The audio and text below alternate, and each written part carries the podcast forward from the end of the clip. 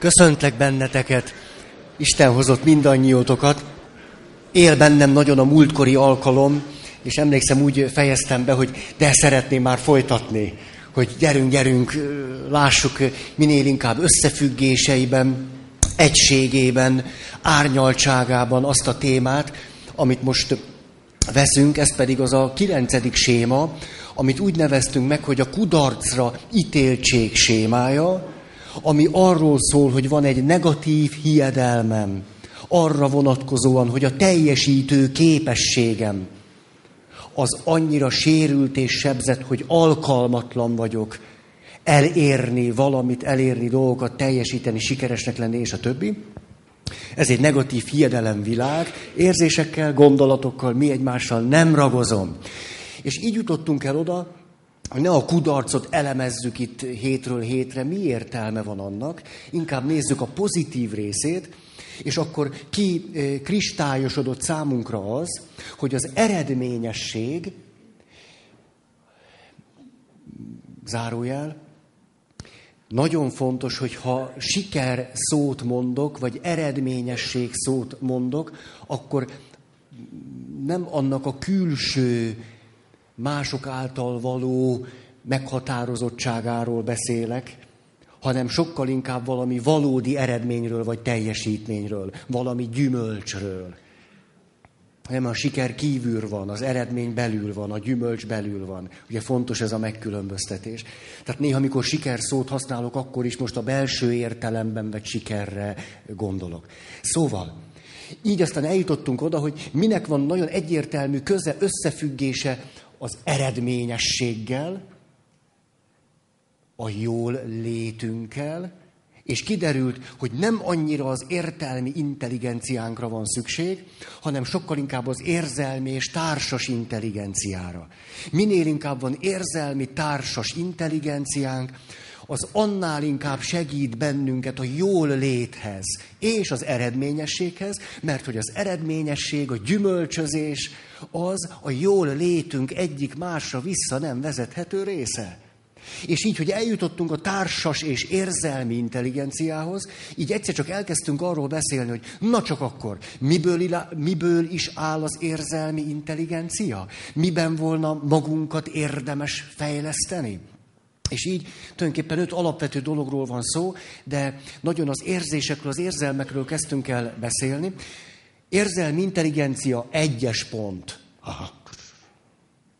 Képes vagyok megnevezni, átélni a saját érzéseimet, érzelmeimet. Tudom, hogy mit is érzek. Tehát megkérdezik, hogy hogy vagyok, akkor nem egy történetet mondok. Főleg nem a főnökömről. Ez az egyik. A második, nem csak képes vagyok az érzéseimet megélni, kifejezni, tudatosítani, megnevezni, hanem képes vagyok az érzéseimmel megfelelő módon bánni. Nem az érzések bánnak el velem, hanem miközben én érzek, érzések, érzelmek, hangulatok, késztetések, aközben tudok velük bánni. És a harmadik pedig ez volt, hogy és képes vagyok mások érzéseit, lelki állapotait fölismerni. És ezzel kapcsolatba kerülni, és fölismerni a másik ember érzését, érzelmeit, lelki állapotát, nem egyszerűen csak azt jelenti, hogy hűvös nyugalommal ülök, azt mondom, dühös. Hanem, hogy együttérző is tudok lenni valakivel, aki dühös, van bennem, és akkor innen szeretném folytatni, hogy így eljutottunk az erkölcsiséghez, emlékeztek, az érzések és az erkölcsi cselekvés összefüggéséhez. Mert hogy ennek nagy jelentősége van, hiszen az erkölcsös cselekvés segít az értékek megvalósításában, hosszú távú életcélok elérésében. Hiába vannak megfelelő célok, a fejünkben hiába nevezzük meg az értékeket, ha nem tudunk azok alapján élni. Ma tulajdonképpen Magyarországon szinte hősiességre van szükség ahhoz, hogy valaki a saját értékei alapján éljen. Tehát nem arról van szó, hogy mi szeretnénk valamit, és mások meg azt mondják, hogy ne ilyen legyél, hanem másmilyen. És a kettő között van egy feszültség. A, a, a feszültség ide bent van. Hogy azt mondom, milyen nagy érték a család, és nem is élek abban. Hogy milyen nagy érték a gyerek, és nem születik meg. Milyen nagy érték a sok gyerek, de csak egy van. Milyen nagy érték a becsület, de hazudok. Milyen nagy érték az igazságosság föntartása, és adót csalok. Tehát a konfliktus ide bent van, és attól nem vagyok jól, nem attól, hogy valami külső elvárásnak nem tudok megfelelni, hanem hogy nagyon is vannak, kikristályosodtak az értékek a céljaim alapján, szeretném ezeket cselekvésben megvalósítani, és ide bent meghasonlok saját magammal. Így jutottunk el az erkölcsiséghez, és így jutottunk el oda, hogy fölfedeztük azt, hogy az erkölcsi cselekvésnek a hátterében nem csak belátás, tehát nem csak az értelmi intelligencia különböző szépségei állhatnak, hanem éppenséggel az érzelmi és társas intelligencia. Együttérzés. Emlékeztek a kísérletekre, kutatásokra, mindenről nagyon sok szó esett, hogy egy pszichopata ember amikor egy másik embernek a szenvedését látja, akkor unatkozik. Hogyha egy autista ember egy másik ember arcát nézi, a tükörneuronok benne meg se nyekkennek. Nem sikerül fölismernie, hogy mi is történik a másik emberben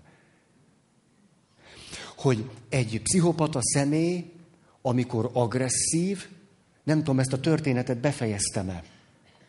Lehet elkezdeni, elkezdtem, csak hogy a végére értem el. Úgy emlékeztek, hogy ha mi nekiállunk agresszívnek lenni, fölmegy a pulzusszám, fölmegy a vérnyomás, harci hormonok. Aztán utána sok órába telik, még lenyugszunk. Képzeljétek el, megint belém jöttek. Ezt, ezt képzeljétek. Nem. Nem, nem vettem rossz névet, csak nagyot nevettél. Nem, nem, nem, nem, nem. De tényleg, már jóba vagyunk, tehát eszembe se jut, hogy Gábor kinevetett volna engem. Na, belém jöttek. És hogy milyen érdekes, na azért, amikor először belém jöttek, emlékeztek, hogy milyen mondatokat kaptam egymás után többször. Tehát néztem én is a lökhárítót, ő is. És hogy ő mit mondott? Én csináltam. Ugye, és akkor erre mondtam, hogy eléggé az alapoktól kellett kezdenünk a helyzetnek a leírását. De szépen megoldódott. Na most, mikor ez szépen megoldódott, elhoztam a karosszéri, karosszériástól az autót, éppen a rakparton mentem múlt héten, és pff,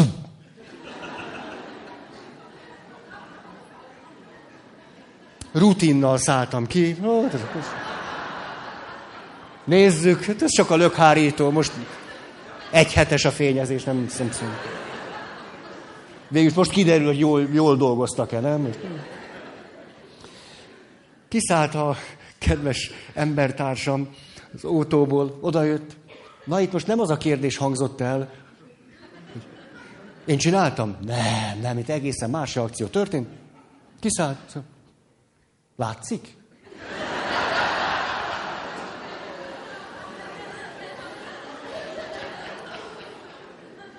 Megpróbáltam vele empatizálni, hogy menjünk akkor ezen a nyomon. Hát akkor megnéztem, látszik, hát látszani látszott persze.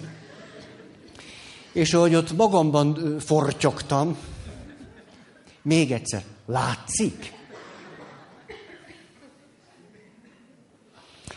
És ez a két eset elgondolkodtatott. Nem érdekes ez, hogy nincsen meg az a zsigeri, érzelmi reakció ebben a helyzetben, hogy oda jövök és azt mondom, olyan nem jóját bocsásson meg. Ne haragudjon. Aj, de sajnálom. Nincs empátia az áldozattal. Én voltam az áldozat kétszer egymás után. Tehát csak is kizárólag magánál van. Magánál van. Magamat kell megvédenem, magamért kell kiállnom. Tehát attól még, hogy utána nem is én voltam, magatolatot hátra, vagy valami. még lehetséges volna megfelelő érzelmi intelligenciával azzal kezdeni, hogy nagyon sajnálom. És hogy milyen érdekes, amikor ez nem történik meg. Hogy mennyire megnehezíti a társas együttlétet, hogy még annak az elismerése sem történik meg, hogy egyáltalán mi történt. Nagyon macerás. Szóval, emlékeztek, ahogyan a vasúti dilemmáról beszéltünk. Hogy ott kiderült az, hogy néha értelmi megfontolásokkal, belátásokkal döntünk arról, hogy a lehető legkisebb legyen a veszteség, és ez erkölcsileg helyes döntés lehet, vagy akár a legkisebb rossznak a helyes választása. Más esetekben azonban egy belső érzelmi indítatású, sokszor még szinte az érzelmeinket megelőző, szinte ösztönösnek tűnő döntés születik. De azt már nem. Hát csak nem lökök le valakit a felüljáróról. Hát szó se lehet róla és az agykutatás ténylegesen megerősít bennünket, tulajdonképpen ilyen sajátos kifejezésekkel él, hogy vannak olyan döntéseink, és az erkölcsi döntéseink között is vannak ilyen döntéseink, amelyeket, majd ennek a hátteréről mindjárt szeretnék beszélni, tulajdonképpen az agyunk, az idegrendszerünk hoz meg. Ezeket követik az érzéseink, és csak utána van valami gondolati tevékenységünk, belátásunk és hogy milyen óriási nehézség az, hogyha ezek a zsigeri döntések, ezek az érzelmi, empátiá, többek között az együttérzésre alapuló döntéseink nem születnek meg. Tehát ha minden helyzetben külön-külön, sokszor még az érzéseimmel szemben kell eldönteni, hogy valakinek azt mondom meg, hogy bocsásson meg, ez külön úgy ki kell gondolnom, hogy, hogy lesz így, hogy, hogy érem el a nemes élet céljaimat, értékek, hogy valósulnak meg? Ő. Tehát ezért látni való érzelmi és a társas intelligencia hihetetlen sokat segít nekünk. A cselekvésben. Na, gyorsan szeretnék tik-tik-tik-tik így szempontokat mondani, de akkor ez hogy fejlődik ki, hogy alakul ki? A legfontosabb dolgokat szeretném összeszedni nektek. Egy, emlékeztek, hogy beszéltünk, magzatikor. Hogy hogyan tud megsérülni valaki, akivel kapcsolatban az édesanyja úgy van, mintha nem is lenne. Hogy milyen sok pszichotikus beteg lesz azok között, a magzatok között, serdülőkorra, ifjúkorra, akikkel nem vették föl a kapcsolatot. Azután gyermekkorban érzelmi szükségleteket nem elégítettek ki. Ezért az első, első dolog, az érzelmi intelligencia nyilván a kapcsolatban alakul ki, és van egy háttere, többek között sok hátter van az egyik, amiről sokat beszéltünk a társkapcsolatnál. Tükörneuronok. A tükörneuronok miatt tudom azt érezni, amit te. A tükörneuronok miatt, akkor kiszállok, azt mondom, ú, ez a nyomorult, hát látom, egy hete hozta el a karosszériástól. Hát látom, hát ott csillog, villog. Ó, most mit érezhet? Hol vannak a tükörneuronok? Tehát tükörneuronok, első pont. De hogy, hogy, hogy? Úgy, hogy kapcsolat. Apukám, anyukám, nagymama fölveszik velem a kapcsolatot, néznek engem, beszélnek hozzám, szemkontaktus, tik, tik, tik, tik, tik. Megtanulok, második gondolat, kötődés, tik, tik, tik, tik, tik, tik, tik. Kötődés, tükörneuronok, ah, én is, ő is érez engem, én is érzem őt, én is figyelem őt, ő is figyel engem, reagálunk egymásra, kapcsolódunk egymáshoz. Azután szükségleteinkre pozitív válaszokat kapunk.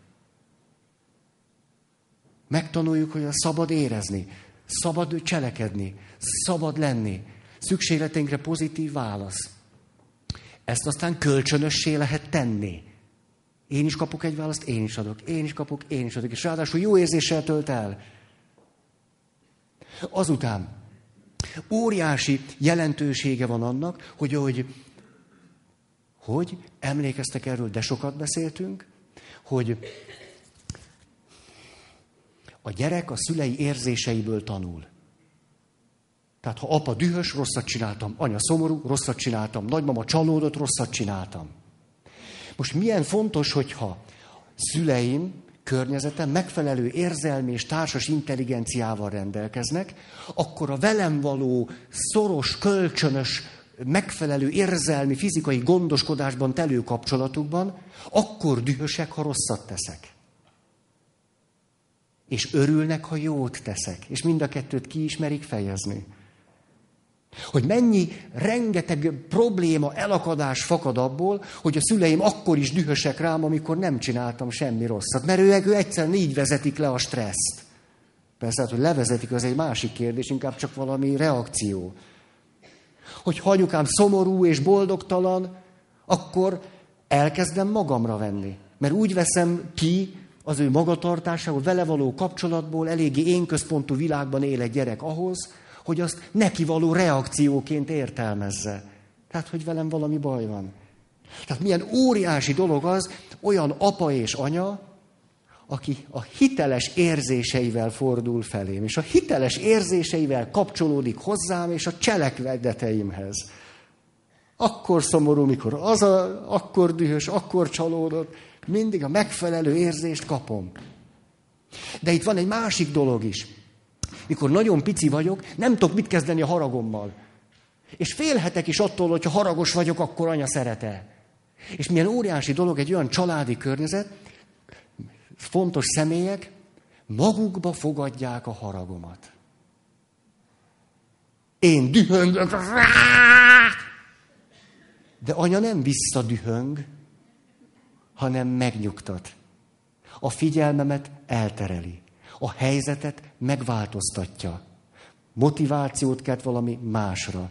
Fölkelti az érdeklődésemet valami iránt. Fizikai kontaktussal megnyugtat engem. Há. Hát így tanulom meg azt, hogy a haraggal lehet valamit kezdeni. Nem úgy tanulom meg, hogy a haraggal lehet valamit kezdeni, hogy anyám üvölt, hogy azonnal hagyjam abba az üvöltést.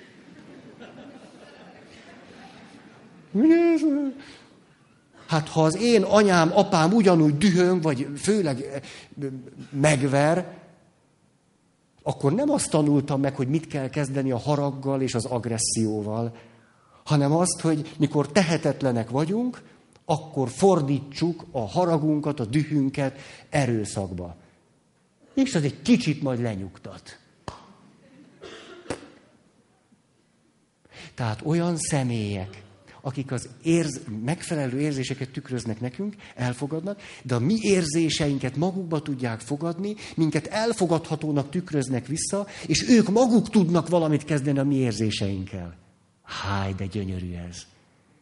És akkor egy, egy, két, két év, három, négy, megtanuljuk, és ez az érzelmi intelligencia negyedik pontja úgy egyébként, nem csak az a, a második az volt, hogy képes vagyok az érzelmeimet kezelni. A negyedik pont így szól, képes vagyok magamat motiválni. Tehát dühös vagyok, mint a fene, és ezt a dühöt képes vagyok valamilyen irányba irányítani, valamilyen célra tartani ezzel a haraggal. Például, hogy meg tudjam magamat védeni. Vagy a düh, hát ezt olyan sokszor elmondtam nektek, hogy a harag mennyit segített nekem a vasárnapi prédikációk elkészítésében. Nagyon sokat. Hogy mekkora motivációs lendületet adott nekem, hogy próbáljak normális beszédeket tartani. Nagyon, mert olyan sok rossz beszédet hallottam. Ti hallottatok már rossz beszédeket? És valószínű, azért érintett annyira érzékenyen, mert gyerekkoromban rengeteget unatkoztam. Nagyon. Most is vissza tudom idézni, egy relatív elhanyagoltságban éltem. Rengeteget unatkoztam. Ugye nem tudtam magamat motiválni, mit kezdeni magammal. És amikor beszédeket hallgat, és ott untam 10-15 perc, hú, akkor elindult bennem, mit kéne akkor csinálni? Tehát olyan személyek, akik visszatükröznek bennünket elfogadhatónak, az érzéseinkkel valamit tudnak kezdeni, ezért mi is megtanulunk az érzéseinkkel valamit kezdeni, és el tudjuk kezdeni magunkat motiválni a céljaink elérése érdekében. Háj, de szép ez. Azután, azután van egy másik szál is, ez pedig, hogy, hogy Kezd bennünk kialakulni két dolog. Hát így mondja a lélektan, felettes én, meg én ideál. Ezekről már mind volt szó, most csak tik egymás után idehozogatom őket. Hogy ahogyan visszajeleznek engem a szüleim, 5-6-7-8 éves korban már ott van az én ideál, hogy milyennek kéne lennem. És a felettes énbe pedig megjelennek azok a tartalmak, hogy apukám, anyukám, nagymama, tanítónéni azt mondja, hogy ez így jó, úgy jó, ezt csináld, ezt ne csináld, töröröm, már belsővé válik. De itt jön egy újabb, nagyon fontos fordulat. De a belsővé válás folyamatában van egy lépés, amikor azonosulok azonos nemű szülőmmel. Én is olyan leszek, mint apa. És akkor lesz egy nő, aki úgy fog engem szeretni, mint ahogy anya szereti apát. És anya a legjobb nő a világon, és akkor nekem is lesz egy olyanom. Tehát elég csak olyan, olyannak lenni, mint apa, és akkor nekem is lesz egy olyan anyám, akit úgy hívnak, hogy feleség. Hmm. Akkor a következő kérdés így szól, amikor természetes módon azonosulunk a személyiségfejlődés miatt az azonos nemű szülővel, kivel azonosulunk? Ki az a valaki? Mert azonosulunk vele, ha akarjuk, ha nem. Elindul egy természetes folyamat. Legfőjebb ez megakadhat sokféleképpen, de hogy elindul, az biztos. Ez a természetes útja. Egyáltalán van-e ott egy fiúnak egy apa, akivel tud azonosulni? Ha nincs is apa, akkor kivel azonosul? Jó esetben valakivel tud azonosulni, de ki lesz az? Elég rendes? Érzelmi társas intelligencia, hogy van-e olyan valaki, akivel amikor a természetes indítatáson van, hogy azonosuljak azonos neművel, akkor ő ott egy valóban értékes valaki. Hmm. Mi van, hogyha közben egy gazember? De ha az én apám, akkor is azonosulok vele. Háj, háj. Na szóval, van itt nagyon-nagyon sok izgalmas, izgalmas, izgalmas szál, ami hozzájárul a fejlődésünkben ahhoz, hogy zsigeri, érzelmi döntéseket tudjunk hozni, amelyeket az eszünkkel csak később indoklunk meg. És akkor van itt egy újabb izgalmas dolog. Ugyanis, amikor, ha-ha, amikor érzem a érzéseimet, indulataimat, késztetéseimet,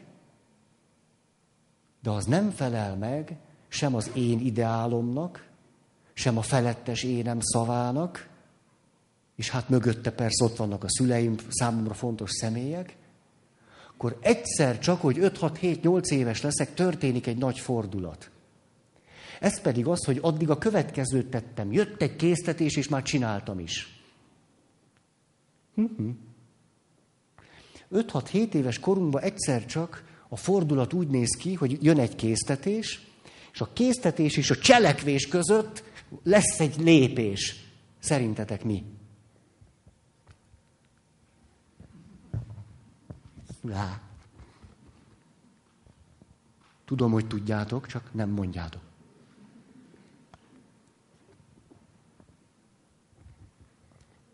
Beiktatódik egy lépés. Természetszerűen. Jó esetben. Na, majd arról még...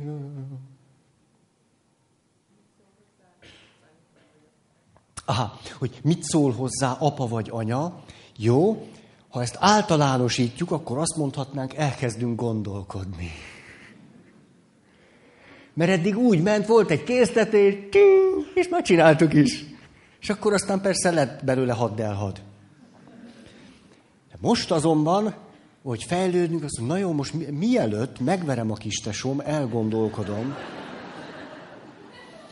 hogy hogy is kéne elverni. Most kisarkítottam ezt. Gondolkozás. És aztán ebből az irányból mondhatnánk azt egyszerűen, fejlődik ki az, ahogyan majd eldöntjük, hogy hogyan mentsünk meg öt embert.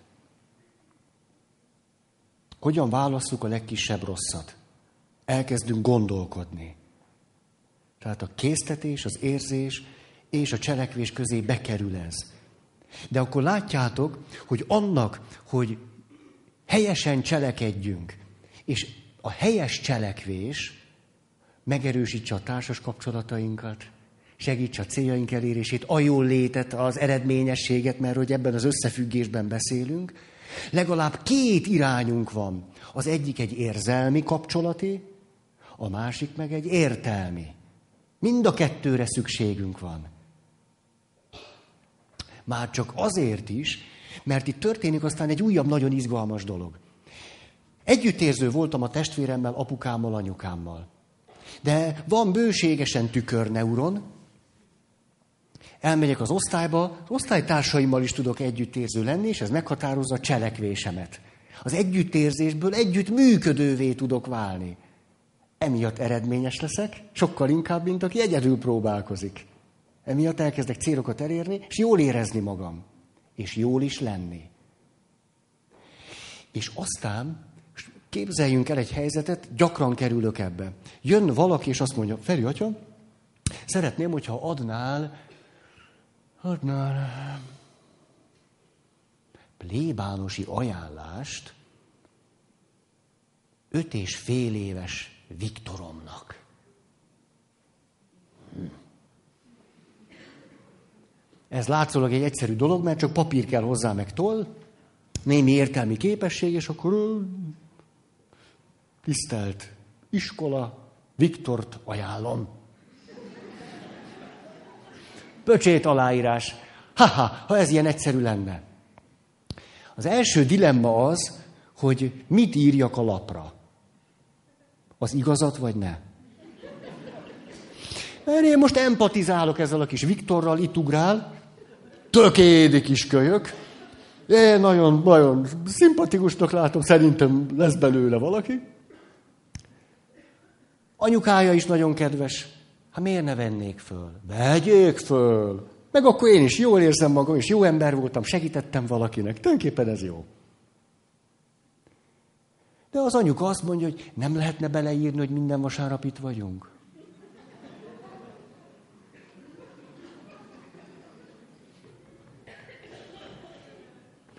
Valami megtorpantja a nagy együttérzésemet. Kialakul egy erkölcsi dilemma. Tehát hiány együttérzők szeretnének neki segíteni, de most akkor hazudjak is. Egyszer csak elkezdek együttérző lenni kikkel, például a többi gyerekkel is. Szóval jó, most hazudok azért, mert segítek ennek a gyereknek, átlépek egy erkölcsi valamit, fölveszik a Viktort, és olyanokat nem vesznek föl, akik tényleg járnak vasárnaponként. Mondjuk egy katolikus iskolában ez érdekes. Hm. Elkezdek empatizálni azoknak a gyerekeknek a szüleivel, akik reggel nyolckor hajlandók fölkedni minden vasárnap, hogy a gyereküket elhozzák a suliba. Ez azt jelenti, hogy összefonódik az értelmi és érzelmi tevékenység, és tulajdonképpen az empátiát elkezdem kiterjeszteni olyanokra, akiket nem is ismerek. És végül, szépen mennek a dolgok, ez a fajta együttérzés, és aztán kőkemény etikai elvek összefüggésbe tudnak egymással kerülni, és ezek az elvek a lehető minden emberre kiterjednek. A velük való minden emberre fűződő viszonyomra kiterjednek.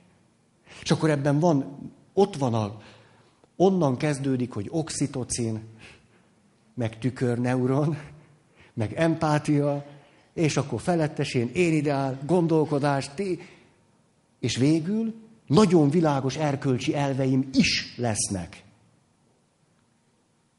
És hogyha ez a rendszer így össze tud állni, akkor vagyok a leghatékonyabb. Nem akkor vagyok a legproblémamentesebb. Elég sok dilemmám lesz. Nem lesz könnyű néha döntéseket hozni, de akkor van egy hatékony rendszerem, ami a jól létemet is tudja segíteni. Ráadásul azért is segíti a jól létemet, mert ebben a rendszerben az oxitocintól az egyetemes etikai elvekig úgy állítottam be magam, hogy az segíti a társas együttműködést. Ez alapján segíti jól létet, eredményességet. Ha, és jól vagyok. Ezért egészen bátran mondhatjuk azt, hogy a megfelelő erkölcsi magatartás, beleértve a tükörneuronoktól az etikai elvek, az igazságosságért való áldozathozatalnak, a hősiességnek a jeleit is, azok kifejezetten segítik a jól létet. Ha, ez szép szerintem. Így, hogyha látjuk ebben a rendszerben, összefüggésben. És akkor még egy kis kitérő, hogy ebben a folyamatban a kötődésnek társas intelligencia, milyen óriási jelentősége van azért, mert már erről beszéltünk, de hogy ezt még egyszer hangsúlyozzuk, hogy ha biztonságosan tudok kötődni, tehát a szüleim a fizikai, érzelmi szükség, szükségleteimre megfelelően válaszoltak, akkor történik velem az, hogy ha szükségleteim nem elégülnek ki, megtanulok késleltetni. Ez az, amit te mondtál. Azért tudok késleltetni, azért éhes vagyok. De nem jutok ételhez, fortyogok, és indulatomban megverem a tesom. Ettől nem leszek jól lakottabb, de legalább eltöltöttem valamivel az időt. Addig is, ameddig esetleg majd kapok enni. Ki tud késleltetni? Késleltetni szükségletei kielégülését. Aki megtanulta azt, hogy anya, apa előbb-utóbb jön. Tehát ezért képes vagyok magamat megnyugtatni, magamat motiválni, képes vagyok arra, hogy ne essek kétségbe, hogy egy gyerek számára nehéz helyzetben, hát ez neki nagyon nehéz helyzet, nem jut magától az ételhez. Hogy ne volna az nehéz helyzet?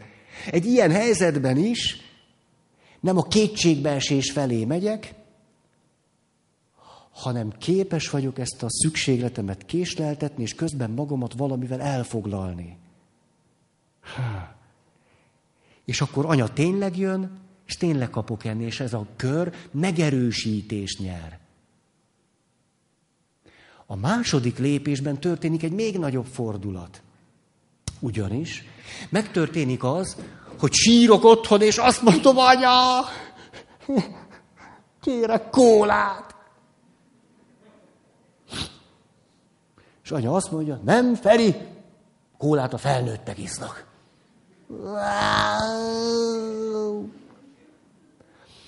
És sírok, és anyukám évszámra nem ad kólát. Itt egy újabb helyzet áll elő, mert itt nem késleltetni kell egy szükségletet, hanem valamiről egyszerűen le kell mondani. Hiába kőkóla, nincs kóla. És itt jön a fejlődésünknek a következő lépése, azt mondom, hogy anya fontosabb, mint a kóla. Az anyukámmal való kapcsolatom sokkal többet ad nekem, mint ha a kólát birtoklom. Ezért képes vagyok lemondani. Ha-ha. Most, hogyha ezt az egészet rá illesztjük egy társkapcsolati dinamikára. Szükségletek késleltetése.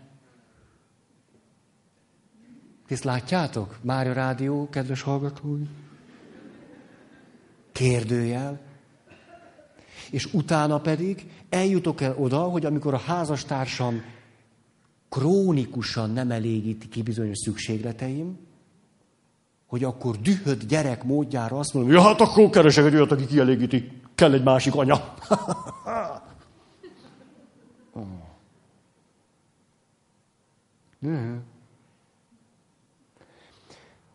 Hogy képes legyek zsigerből, rutinból abba az irányba is menni, hogy hú, ez egy nehéz élethelyzet. Most valószínű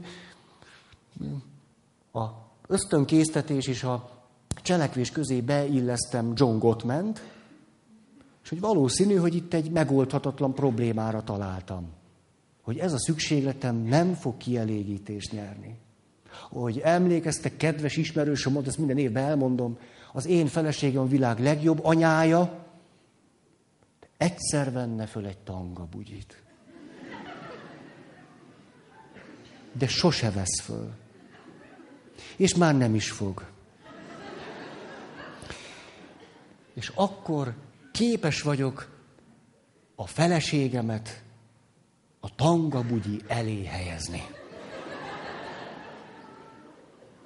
Ez nagy-nagy emberi teljesítmény.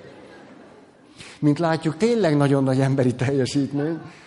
És hogy megnéztük a hátterét, hogy mi az, ami bennünket felnőttként segít, hogy ezeket az utakat be tudjuk járni. Tehát rögtön kell, késleltetem a szükségletet, lemondok valamiről. De azért, mert van kiért, van miért. Haha, ott egy kapcsolat van, egy kölcsönösség, á, és te fontos vagy nekem. Helyhaj, akkor nem mondhatjuk, hogy az érzelmi és a társas intelligencia ne volna egészen nyilvánvalóan szoros összefüggésben a jól léttel. Mert nagyon szoros összefüggésben van. És akkor látjuk, hogy az első életéveknek, ez persze veszőparipám, mekkora jelentősége van. Hogy nem felnőtt embereket kell szídni. Persze kell őket, kell őket, mert nem javulnak meg. Hanem, hogy mi az a háttér. De hogy ha az érzelmi társas intelligenciában jól fejlődtünk, ez egyáltalán nem teszi automatikussá azt, hogy döntéseket kell hoznunk. Attól még meg kell kínlódnunk az életben egy csomó mindent. De van egy jó hátterünk, van hova nyúlni, vannak alapok. Akiknek ez mind hiányzik, nekik sokkal, de sokkal nehezebb. Ezt tudjuk mondani. Sokkal nehezebb. Mert ahol te rutinokkal dolgozol, emlékeztek, eredményesség, a gyors munkát gyorsan csináljuk. És akkor lesz idő a lassúra. Tehát ha valaki minden nap azon morfondírozik, hogy most hazudjon-e a férjének, vagy ne, most együttérző legyen-e, vagy ne, már mára mennyire tud, hogy azt a két tükörneuront had rendbe vonja-e, vagy ne, hogy hagyaludjanak.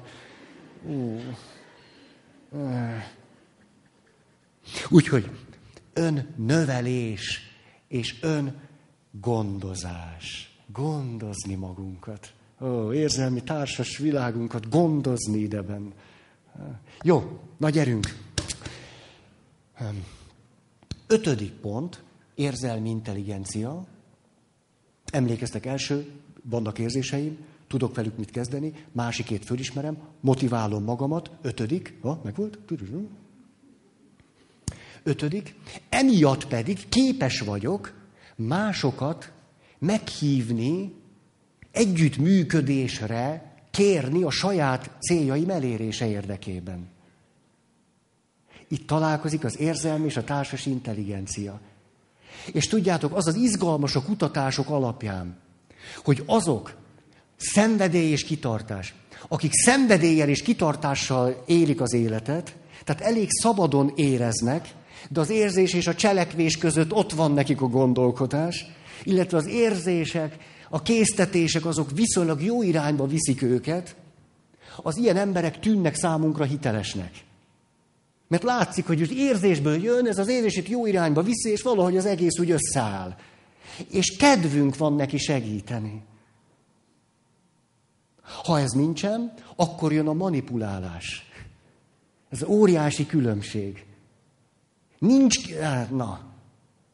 Tehát egy ilyen ember olyan készségeknek, adottságoknak a birtokában lesz, hogy miután kívülről hitelesnek tűnik az önazonossága miatt, ez is szívesen, persze, hogy segítünk. Na, együtt is.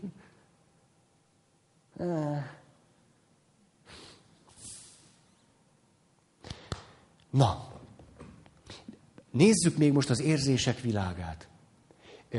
Hol, miben lehet fejlődni? Egy, a fejlődésünkben, gyerekkorban megtanulhatjuk azt, hogy bizonyos érzéseket nem szabad érezni. Erről már sok szó esett.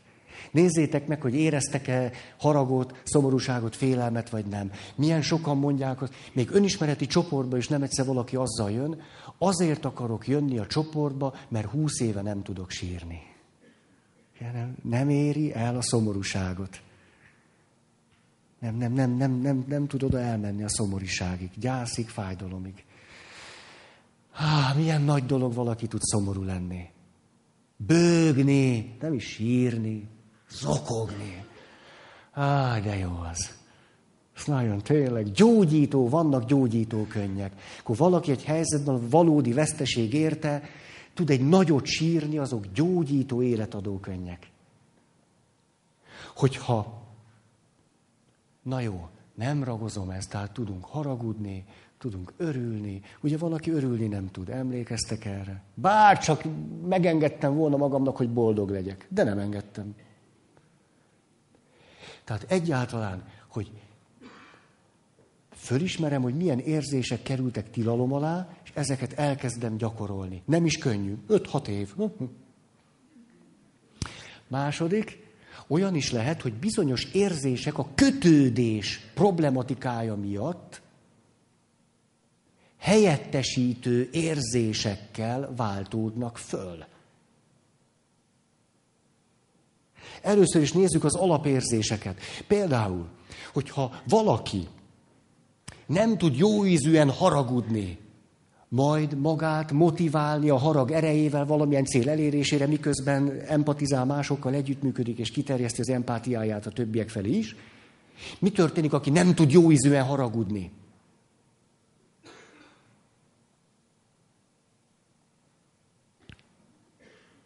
Hogy mondanátok ezt?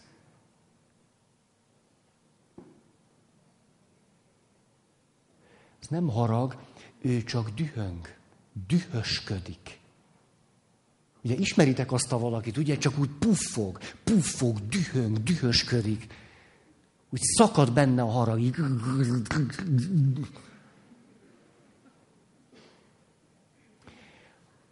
Egész más, ha valaki tud haragudni, mint hogyha csak úgy puffog, durrog, dühösködik. Ő azt gondolja, hogy ő most haragszik, de nem. Puffog, durrog, dühösködik. Méltatlankodik, panaszkodik. De nem dühös. Már régen nem panaszkodna, hogyha tudott volna dühös lenni. Ha valaki nem tud félni, annak mi a legközelebbi parazita helyettesítő érzése? Nem fél, hanem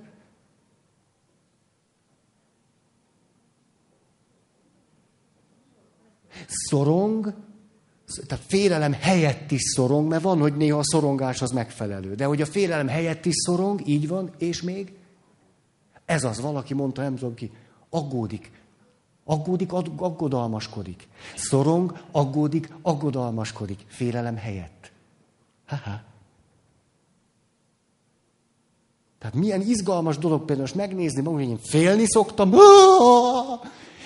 Azért, mert tudjátok, az evolúciós pszichológia gyönyörűen leírja, hogy minden érzésben egy cselekvési stratégia rejlik. Félek, musgyit, tűnök innen el. Hát majd bolond leszek itt maradni. Félek? Ha! Megvédem magam. Egyáltalán fölismerem, hogy mitől kell félni. Tehát félelem helyett csak aggodalmaskodás, szorongás, aggódás. Aztán szomorúság helyett, ugye az alapérzéseket vegyük végig. Szomorúság helyett mi van ilyenkor?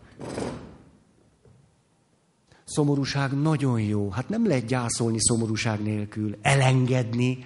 Ez a gyerek elengedi a kólát. Nagy dolog. Akkor, ha merhet szomorúnak lenni. Szomorúnak. Nem iszom. Mi lesz szomorúság helyett? Ami nagyon közel van hozzá, de nem az. Úgy van. Fú, na itt, na, na, micsoda intelligencia van. Ó, valami önsajnálat. Nem szomorú, sajnáltatja magát. A gyászmunkában a fordulat mindig az, amikor valaki fölismeri, hogy ez most szomorúság vagy önsajnálat. Az önsajnálat sehova nem viszi Sehova. Nem, nem megy előre a gyászmunka az önsajnálat miatt. Miközben ön a szomorúságnak éli meg. Híde nagy különbség önsajnálat, vagy valódi, fájdalmas szomorúság. És az öröm, mhm. sokaknak nem fog tetszeni,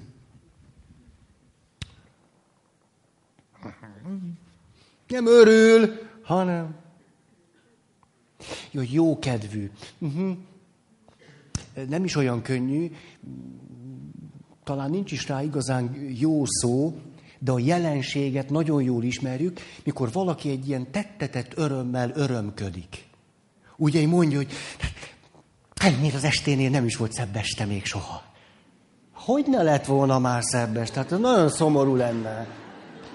Hát mi, mi, te, mi, ennyire rossz körülmények között nőttél föl? De vagy öröm, vagy csak olyan, olyan, ez a tettetett öröm, ez a belülről ilyen, tudják, a lufi, örülök rá, jó, szép az élet. És közben semmi nincs, csak egy ilyen tuningolja magát, mert... Hm? Na most, kötő, következő pont. Ha probléma van a kötődéssel, akkor érzések átváltanak. Tehát például egészséges sikerélmény helyett az jó dolog, az előre visz. Elértem külső, megerősítésű, önbecsülés. Sikerélmény, hí, örülök. Jaj, de jó is az. Ehelyett mi van? A sikerélményben nincsen semmi ellenséges. Semmi. A sikerélmény nem akar senkit se bántani. Na de ha én nem kötődök jól, a sikeremet másik fölötti diadalként élem meg. Nem egy egészséges sikerélménye van, engem tovább motivál, de közben fönn tudom tartani a társas kapcsolataim. Egy társ kapcsolatban, mikor az igazságért folytatjuk az eszeveszett küzdelmet. És akkor kiderül, hogy tényleg úgy volt, tényleg. Pálferi negyed kilenckor kezdődik. Tényleg így, így volt. Te, te tudtad jól. Akkor nem egy egészséges sikerélményem van, hogy na, én jól emlékeztem, van itt memória, kisapám. És közben föntartom a megfelelő pozitív kapcsolatomat a feleségemmel. Nem, az, na, kinek volt igaza? És hanyatszor.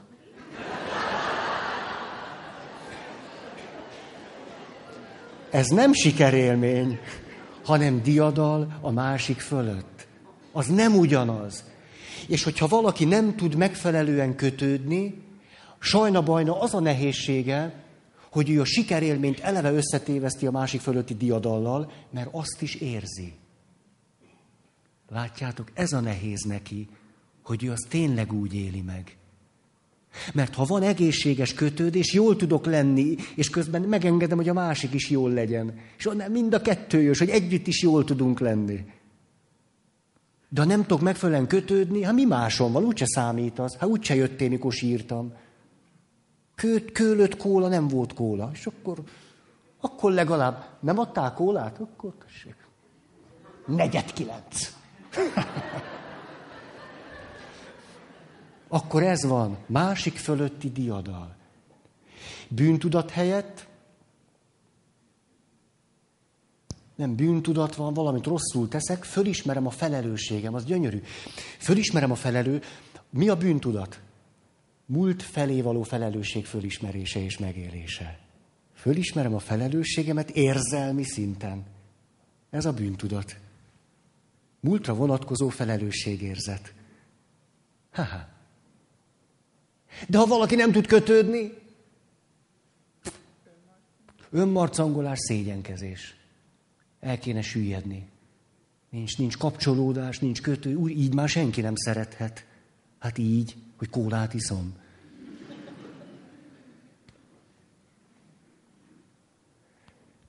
Tehát, ha nincs megfelelő kötődés, akkor nem ugyanazok az érzések jönnek innen.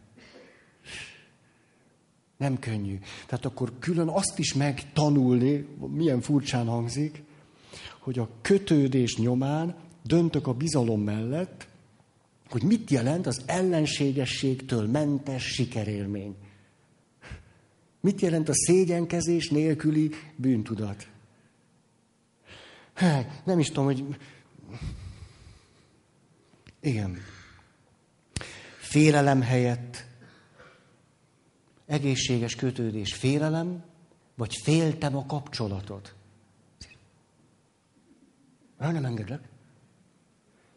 Hogy az, az normális, hogy van egy kapcsolat, amit értékesnek tartok, félhetek adott helyzetekben, pillanatokban, hogy valami baja lesz ennek a kapcsolatnak, és félt hetem is ezt a kapcsolatot. Félek is, félt hetem, az teljesen rendben van. Nagyon jó, hogy valaki egy értékes kapcsolat elvesztésétől tud félni. Hát ez, ez egészséges lélek. De ha nincs kötődés megfelelő, akkor mi történik? Azaz, féltékeny vagyok. Féltékeny vagyok. Kötődési probléma a féltékenység. Hmm. És talán még egyet itt nézegettem. Mik van? Na igen. Ha megfelelő kötődés van, képes vagyok együttérzésre, akkor, amikor azt látom, hogy neked nehéz, akkor ó, nem lehet könnyű. Ez nem lehet könnyű. De hogyha nem kötődöm jól, együttérzés helyett mi történik velem? Hogy? Pontosan így van. Hát, hogy gratuláljak neked. Meg akarom fogni a kezed. Ez igen, Ó, most kaptam. Együttérzés helyett lenézés és megvetés. Meg, megvetés. Ilyen, ilyen gyönge vagy. Ennyit tudsz. Ugye egy férfi beszól a nőnek, nő elsírja magát, és nem együttérző lesz vele, hanem elkezdi megvetni. Ilyen gyönge vagy? És mit köbögni? Most ezen mit bőgsz? Kaptatok már ilyet? Ugye, szerintem mindenki kapott ilyet. Most ezen mit kell bőgni? Hát ha, na, na gyerünk, hú, ez mi? Moshatok gatyát, mi történt? Jó. Gyerünk. Én ezt Igen, csak egy, egy, talán ezt az egy szót még mondanám, vagy ezt az egy, egy szálat, hogy, hogy ugye abba az irányba elmentünk, hogy képes vagyok a szükségleteimet késleltetni, majd pedig dolgokról megfelelő szomorúság, fájdalom, könnyek után elsiratni, és tovább kötődni, és tovább empatizálni valakivel, aki valamilyen szükségletemet nem elégítette ki. Aha, ezt nevezik házasságnak, és a a másik irányba pedig mi van? A másik irányba van az a valaki, Pécsen megyek az utcán mondjuk fél háromkor, és szexuális vágyat érzek. Közösülni akarok. És akkor velem meg nem, akkor megfojtom. Ez van a másik irányban. Nulla megfontolás. Késztetés, cselekvés. Késztetés, cselekvés. Nulla megfontolás. És tudjátok, szakirodalomból ezt nagyon gyakran idéztem nektek, hogy, hogy ha nincsenek hosszú távú célok, akkor a fizikai, érzelmi szükségletek átveszik az irányítást. Ez történik a munkahelyen is, a kapcsolatban is, ha egyedül vagy otthon, bármikor. Ez történik. Érzelmi intelligencia második pont. Mit kezdek akkor, hogyha érzek egy érzést, és az nem célra vezető számomra, egészségedre. A a másik irányba ez van. És ezért mondják a szakemberek, hogy azoknak, akik ilyen bűncselekményt követnek el, teljesen mindegy, ha van halálbüntetés, vagy ha nincs. Hát a cselekvés és az ösztönkésztetés közé minimális gondolkodás ékelődik be. Gondoljátok, hogy az fog neki eszébe jutni, hogy ha elkapják, akkor majd fölkötik. Hát ennél sokkal egyszerűbb gondolatok sem jelennek meg. Tehát a, ez most nem, hogy legyen halálbüntetés vagy ne, hanem az indoklásról beszélek. Tehát ha azt mondjuk, hogy azért legyen halálbüntetés, mert majd ezek a valakik akkor jól meggondolják, mit csinálnak, nem gondolják meg jól, mert semmit nem gondolnak ott, hanem késztetés van és cselekvés. Rettenetes elakadás. És látjátok itt ez milyen, hogy ahogy beszélek róla, megint a, az empátia, hogy hát nyilvánvaló, hogy az áldozattal vagyunk együttérzők, ugye? Borzongunk, rosszul vagyunk tőle, azt akarjuk, hogy éljen, szóval az egész. De hogy föltárjuk, hogy mi van a személyiség hátterében, elkezdünk együttérzők lenni a tettessel is. Valamiképpen elkezdjük a nyomorúságát is érteni és érezni. Ez nem volna semmit az ő tettének a megítéletőségéből, felelősségéből, erköstelenségéből. Haj.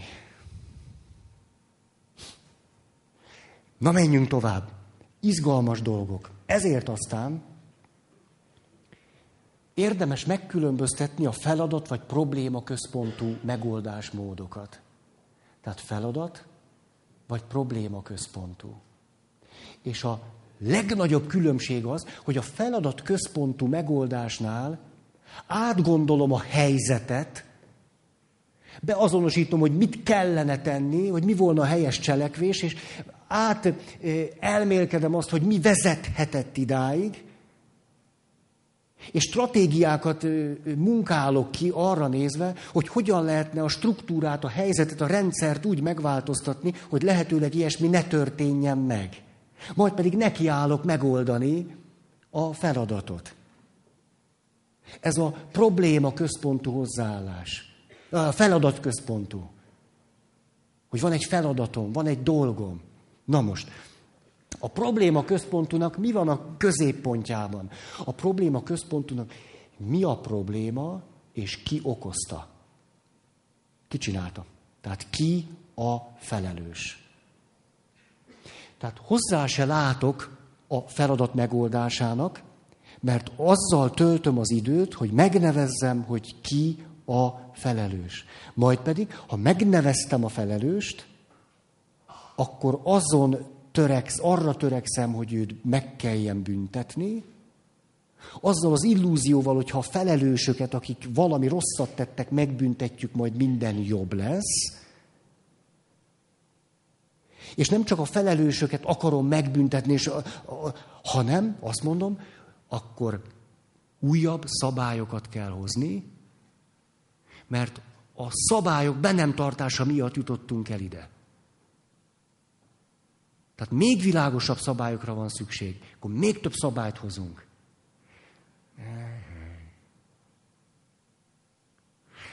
A hosszú távú megoldás nem a szabályok szaporításával történik, hanem a rendszer megreformálásával. Rendszer szintű változással. És a rendszer szintű változás egészen azokat az alapokat érinthetné, amikről mi most beszéltünk, hogy érzelmi és társas intelligencia.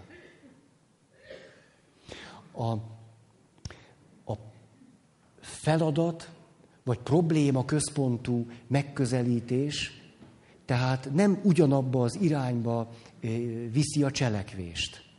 Nem ugyanabba az irányba. a probléma központú megoldás az adott problémákat megold, de nem oldja meg azt, ami miatt a probléma történt, hanem azt megpróbálja szabályokkal valamiképpen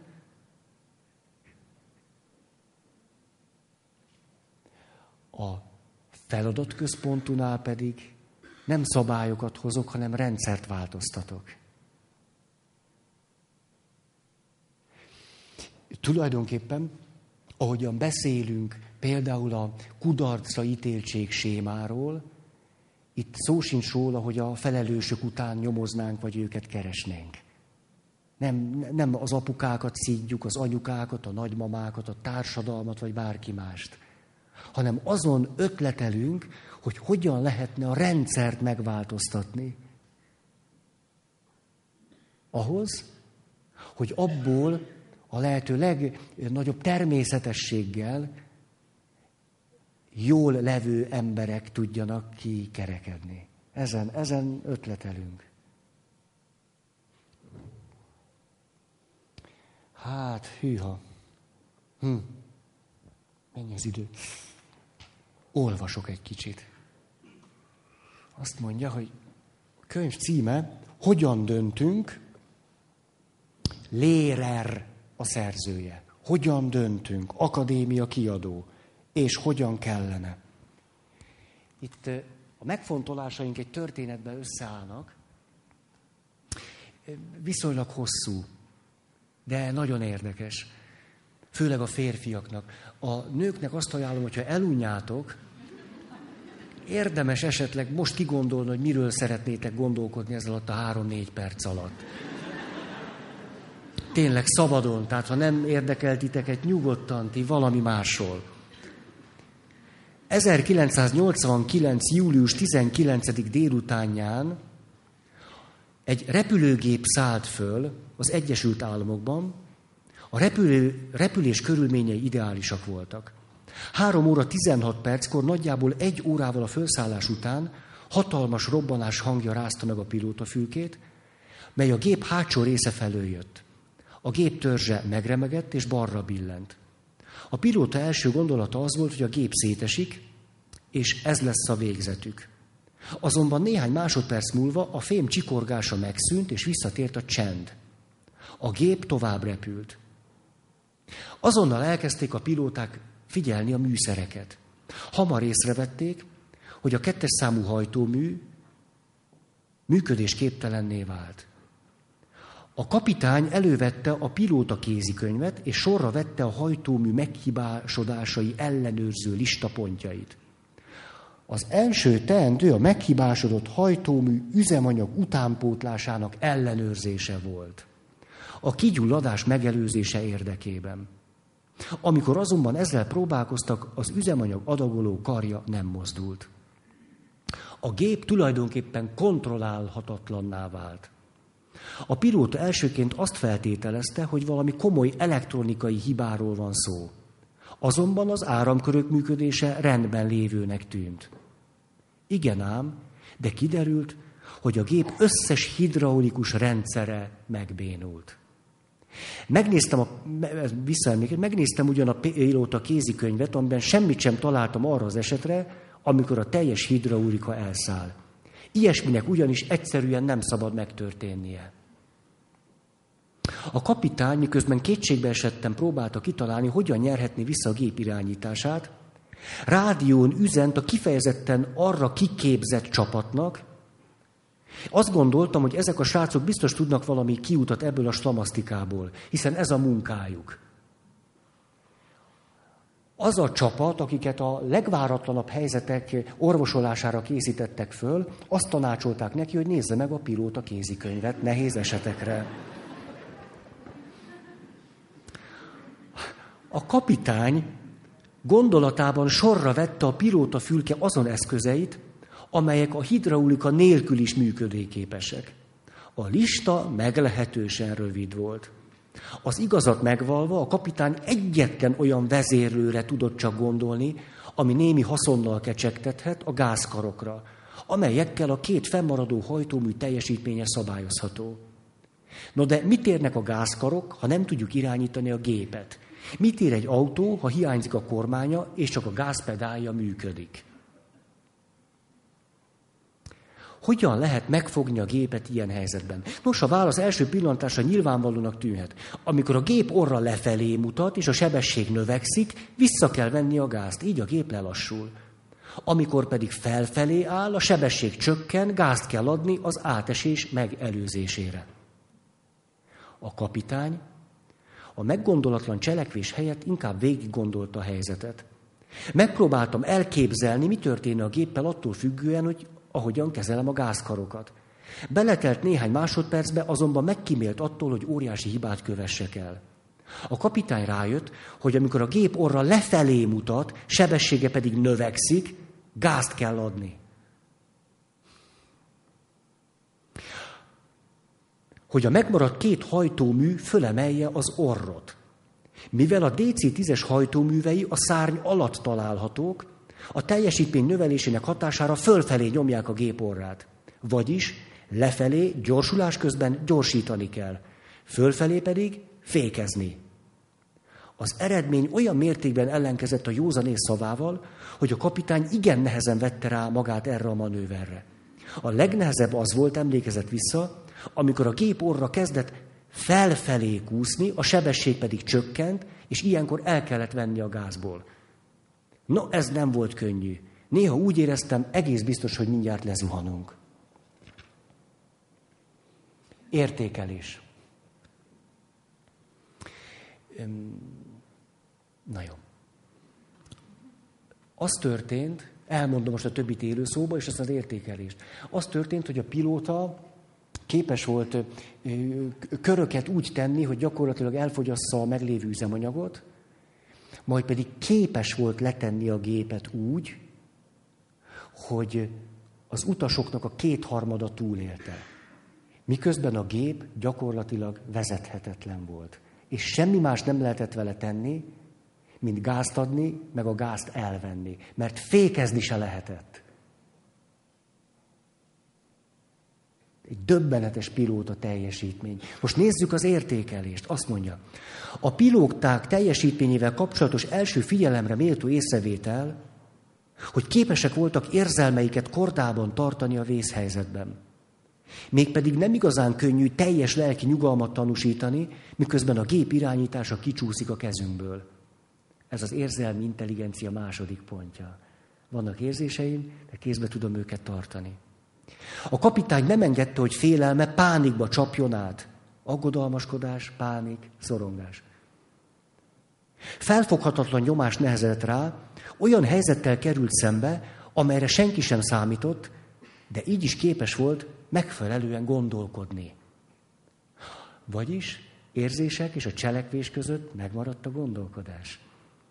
A pilóták ezt a mentális állapotot tudatos nyugalomnak hívják, ugyanis eléréséhez az ilyen feszült helyzetekben tudatos erőfeszítésre van szükség.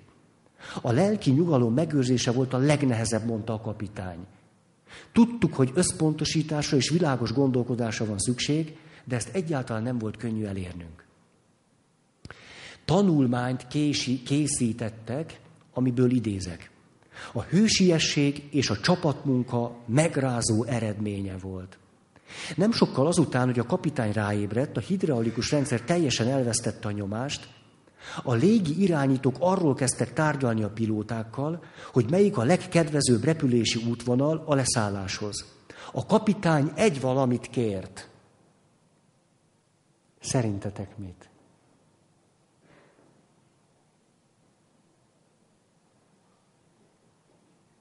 És itt van egy itt és most helyzet. Ti vagytok a kapitány. Mit kértek a légirányítóktól? Hogy mentést, azt, azt teszik maguktól, igen. Hogy? Igen, szabad légi folyosót. Oké. Okay. Hogy? Ja, hogy ne, akkor beszéljenek csak, hogyha muszáj. Az, egyébként az nem, nem, nem butaság, tehát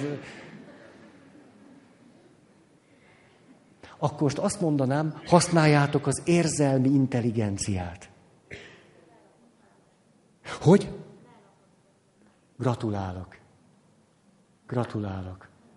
A kapitány egy valamit kért, hogy ne lakott területek felé irányítsa őt a légirányító. Ez az együttérzés olyanokkal, akiket nem is ismerünk. Miközben halálveszélyben vagyunk mi. Döbbenetes, amikor az érzelmi, társas és értelmi intelligencia egy rettenetes helyzetben képes együttműködni. Na, azt mondja, a légi irányítók arról kezdtek tárgyalni a pilótákkal, hogy melyik a legkedvezőbb repülési útvonal. A kapitány egy valamit kért. Akármit is terveztek, mondta, tartsatok távol minket a várostól. Másúttal leírat arról tanúskodik, hogyan próbálták a pilóták humorral tartani egymásban a lelket. Azt mondja a másodpilóta, mondok valamit, ha ezzel megvagyunk, megiszunk egy sört. A pilóta, tudod, hogy nem iszom alkoholt, de ha túléljük, én is benne vagyok. Mindazonáltal, még ha viccelődtek is, komoly döntéseket kellett hozniuk hatalmas nyomás alatt. A pilóta fülkében elhangzó gondolati egységnek száma meghaladta a 30 percenként. Sőt, ez a szám olykor majdnem elérte a 60-at. 60 gondolat percenként, tehát amit át kell gondolni. Azt mondja, ez majdnem egy új információ, egy, ez majdnem egy új információ egységet jelent másodpercenként. Rendes repülési körülmények között ez a szám alig haladja meg a tized percenként. Tehát hatszor olyan gyorsan kellett. Egyes információk létfontosságúak voltak, a pilóták pontosan kivették a magasság értékét, követték a magasság értékét, mások viszont kevésbé értekesek. Hiszen mit számít, hogy hol áll a szervókormány, ha nem működik? Nagyon izgalmas. Ú, egy picit most csúszunk, csak hogy azért mégiscsak a végére érjünk. Azt mondja. A pilóták úgy voltak képesek megbírkozni ezzel a potenciális információ csúcsterheléssel, hogy a legfontosabb adatokra összpontosítottak. Folyamatosan gondolkodtak arról, hogy miről is kellene gondolkodniuk. Így tudták minimalizálni a figyelem elterelést. Mihelyt például a kapitány fölismerte, hogy kizárólag a gázkarokat képes szabályozni, a pilótafülke minden egyéb műszerre gyakorlatilag használhatatlan volt, azonnal a hajtóművekkel való kormányzása koncentrált. Többé nem aggodalmaskodott a csűrő kormány, a magassági kormány vagy a fékszárnyak miatt. Amikor a gép 20 mérföldre megközelítette a repülőteret, úgy 20 percire a földetéréstől, a kapitány agya átállt a leszállás kivitelezésének részleteire. Kizárt mindent a gondolataiból, kivéve erre összpontosított. A tanulmány szerint a légi személyzet azon képessége, mely lehetővé teszi feladataik prioritási sorrendbe állítását, alapvető szerepet játszott a siker elérésében. Minden alkalommal szóba hoztuk. Emlékeztek? Célok, jól-lét, képesek vagyunk a céljainkat hierarchiába állítani. És ezeket a célokat egymással összefüggésbe hozni. Emlékeztek? Ugyanez. Ez egy pilóta helyzetben ugyanez történik. És most Befejezés felé haladunk, tényleg néhány sor. Ha csak nem vagyunk igen fegyelmezettek annak meghatározásában, miről is gondolkodjunk, a 232-es járat pilótai pedig fegyelmezettségből kitűnőre vizsgáztak. Emlékeztek a lányok és a fiúk közti összefüggésre? Eredményesség egyetlen egy ponton múlik. A kislányok fegyelmezettebbek, mint a fiúk. De ez egy férfi volt. Azt mondja, Képtelenek leszünk hatékonyan átgondolni az elettünk álló problémát. Az agyunkat bombázó ötletek sokasága olyannyira maga alá temet, hogy nem tudjuk kideríteni, melyik vezet el a valódi fölismeréshez. Vagyis az intuíció sem működik. De izgalmas ez. Ha nem tudjuk hierarchiába állítani a gondolatainkat, hogy melyik fontos, melyik nem, az intuíció is csődöt mond. Azt mondja, amikor, na, jó? Jó, jó. Na. Igen. Utolsó, van még egy fordulat. A, sikerült úgy leszállniuk, hogy az emberek kétharmada túlélte, Utána szimulátorba betáplálták az összes tényezőt, és elkezdték a pilótákat ilyen helyzetre kiképezni. Mit gondoltok, hány szakképzett pilóta zuhant le szimulátorban, míg először valaki egyáltalán a repülőtérig elért?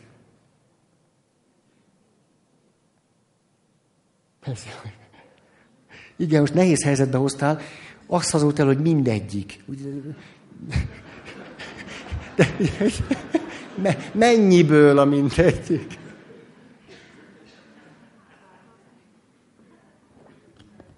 Aha. Nem felejtettem volna el, biztos tudnám. Annyira rátok figyeltem. Aha. Képzeljétek el, hogy ott a szimulátoron megpróbálva a repülőgépet letenni, 57-szer. Nem, hogy nem tették le a gépet a pilóták, hanem a repülőtérig se jutottak el. 57-szer.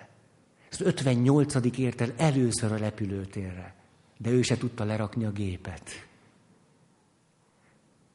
Pedig tudhatták, hogy semmi bajuk nem lesz. Szimulátorban ülnek. Tjú. Rosszul mondtam. Ti jobban értitek. Szóval, ezt a sztorit azért akartam hozni ide a végére, és aztán majd még, még, még, még egyet, hogy, hogy